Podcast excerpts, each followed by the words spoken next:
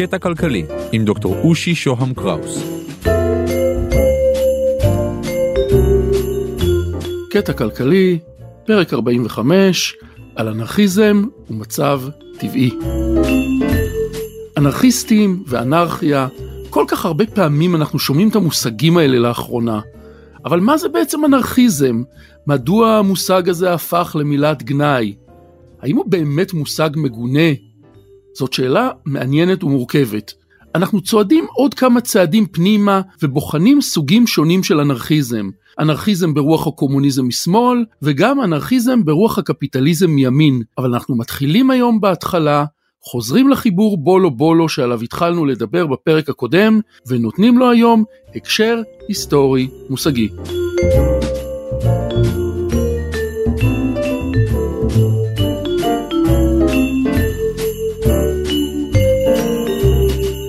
שלום, אושי שוהם קראוס, ואנחנו עם ארכי. ארכי ביוונית עתיקה פירושו התחלה או כוח, ושימו לב לקשר שבין שני המושגים האלה. ההתחלה היא בעצם הכוח המניע את היתר, היא מעין סיבה שדוחפת את השתלשלות העניינים. אנרכיה פירושה אין כוח, וזוהי למעשה צורת שלטון שמשמעותה שלטון ללא שלטון, או שלטון ללא כוח. בדרך כלל כשמדברים על אנרכיה, מתכוונים להעניק למושג הזה משמעות שלילית. בלגן, טירוף, סכנה, חוסר ציוויליזציה. הרבה אנשים מחזיקים באינטואיציות הובסיאניות בקשר לחיים ללא שלטון, ואלה גורמות להם לפחד. הובס היה פילוסוף אנגלי שחי בתקופת מלחמת האזרחים האנגלית שהתנהלה בין המלך לבית סטיוארט לבין הפרלמנט באנגליה. והוא חווה, או הדור שלו חווה, טראומה לא קטנה. הוצאה להורג של מלך, של המלך צ'ארלס הראשון, וזאת חתיכת טראומה. מלך, שליט בשם האל, ראש מדינה, מוצא להורג. כיצד הובס קשור לאנרכיה? הובס מתאר מצב קדום שבו בני האדם חיו ללא פיקוח המדינה. הוא קורא לזה מצב טבע. במצב הזה, לאנשים הייתה הזכות הטבעית לעשות כל מה שהם רוצים. לא היה שלטון שהגביל אותם, והם רצו המון. ונלחמו על מה שהם רוצים. כי לדעת הובס, מה שמאפיין את בני האדם זה שהם חיות אנוכיות. הובס לא מתכוון לזלזל או להשמיץ, הוא פשוט חושב שאנחנו חיות.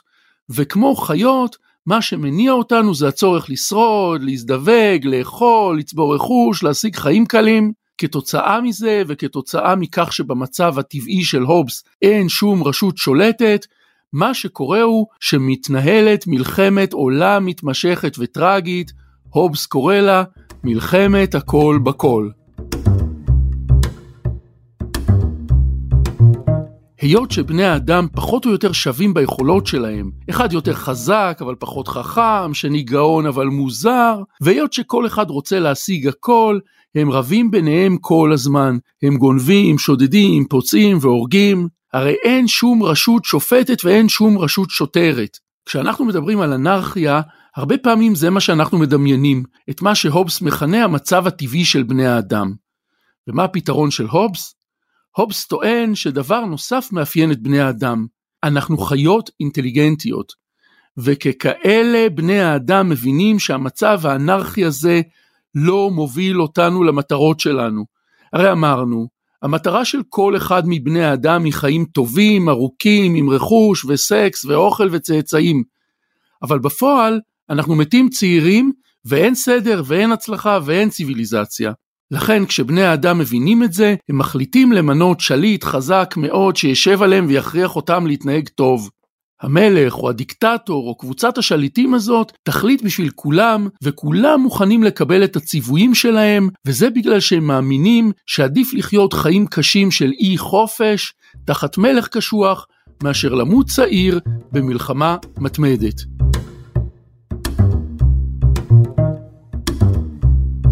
הפילוסוף ג'ון לוק שייך לזרם שאליו שייך הובס. גם הוא מנתח את מצבם של בני האדם דרך המושג מצב טבעי. אבל בניגוד להובס, הוא מאמין שהאופי של בני אדם הרבה יותר נוח. כמו הובס, הוא חושב שאנחנו רציונליים, תבוניים, אבל בניגוד לו הוא מאמין שאנחנו טובי לב, אמפתיים ונוחים לבריות. כתוצאה מכך, המצב הטבעי שלנו הרבה יותר נוח. אין מלחמה, יש חיים שקטים ושלווים בעיירות ובכפרים, אנחנו חיים די בהרמוניה. אז אם זה ככה, אנחנו שואלים את לוק, בשביל מה צריך מדינה? למה לא נישאר במצב הטבעי? הרי במצב הטבעי של הובס היה רע כל כך שהיינו חייבים לשנות, אבל אצל לוק נראה שהכל טוב.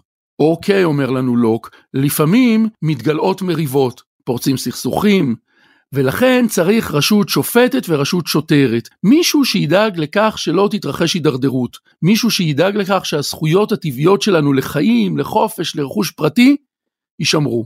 וזה בדיוק תפקיד המדינה על פי לוק. המדינה הליברלית של לוק הוא אביה, תצטרך לשמור על הזכויות האלה, וזהו. חוץ מזה, לא צריך אותה.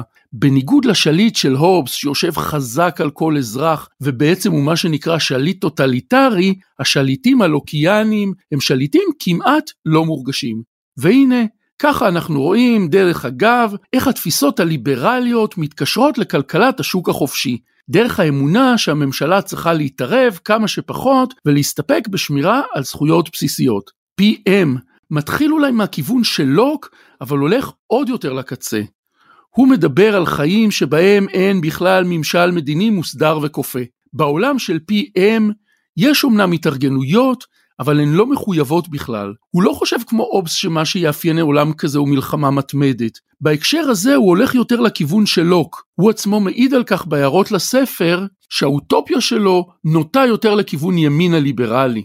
אבל בניגוד ללוק, הוא לא פוחד ממלחמות ולא פוחד מאלימות ולא פוחד כמו אובס ממוות של אנשים. לדעתו, דברים כאלה קורים ויקרו, ואין בהם סיבה לייסד שלטון מרכזי כופה, אפילו לא שלטון ליברלי ברוח לוק. מעניין שדווקא כשמדובר בזכויות, PM מזכיר קצת יותר את הובס.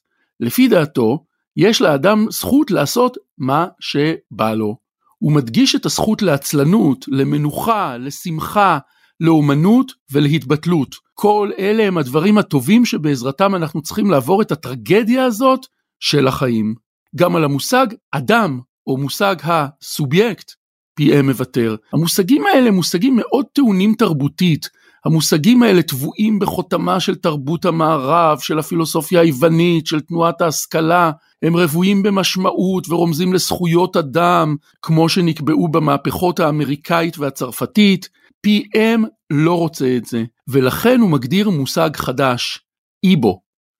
בינינו, בשביל להסביר, נגיד שאיבו זה אדם, אבל זה אדם ללא שום קונוטציה תרבותית. לפי PM זה יצור שיש לו הקשר תרבותי.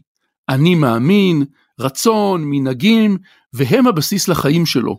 לקבוצת הדברים הזאת, PM קורא בשם נימה, ועל הנימה ועל אופי העולם החברתי האיבואי נדבר בפרק הבא. אני מרצה ומייעץ בתכני הפודקאסטים, תוכלו להשיג אותי באושי את אושי.co.il, תוכלו לשלוח לי וואטסאפ ל-05-0-8898-322, תודה לקווין מקלוד על המוזיקה, תודה לרון טוביה עורך הפודקאסטים של גלובס. אם אתם מתעניינים בפיננסים חדשים, ניהול הון, ביטוח דיגיטלי ובנקאות עתידית, אתם מוזמנים להאזין לפודקאסט השני שלי בגלובס, דוח פינטק.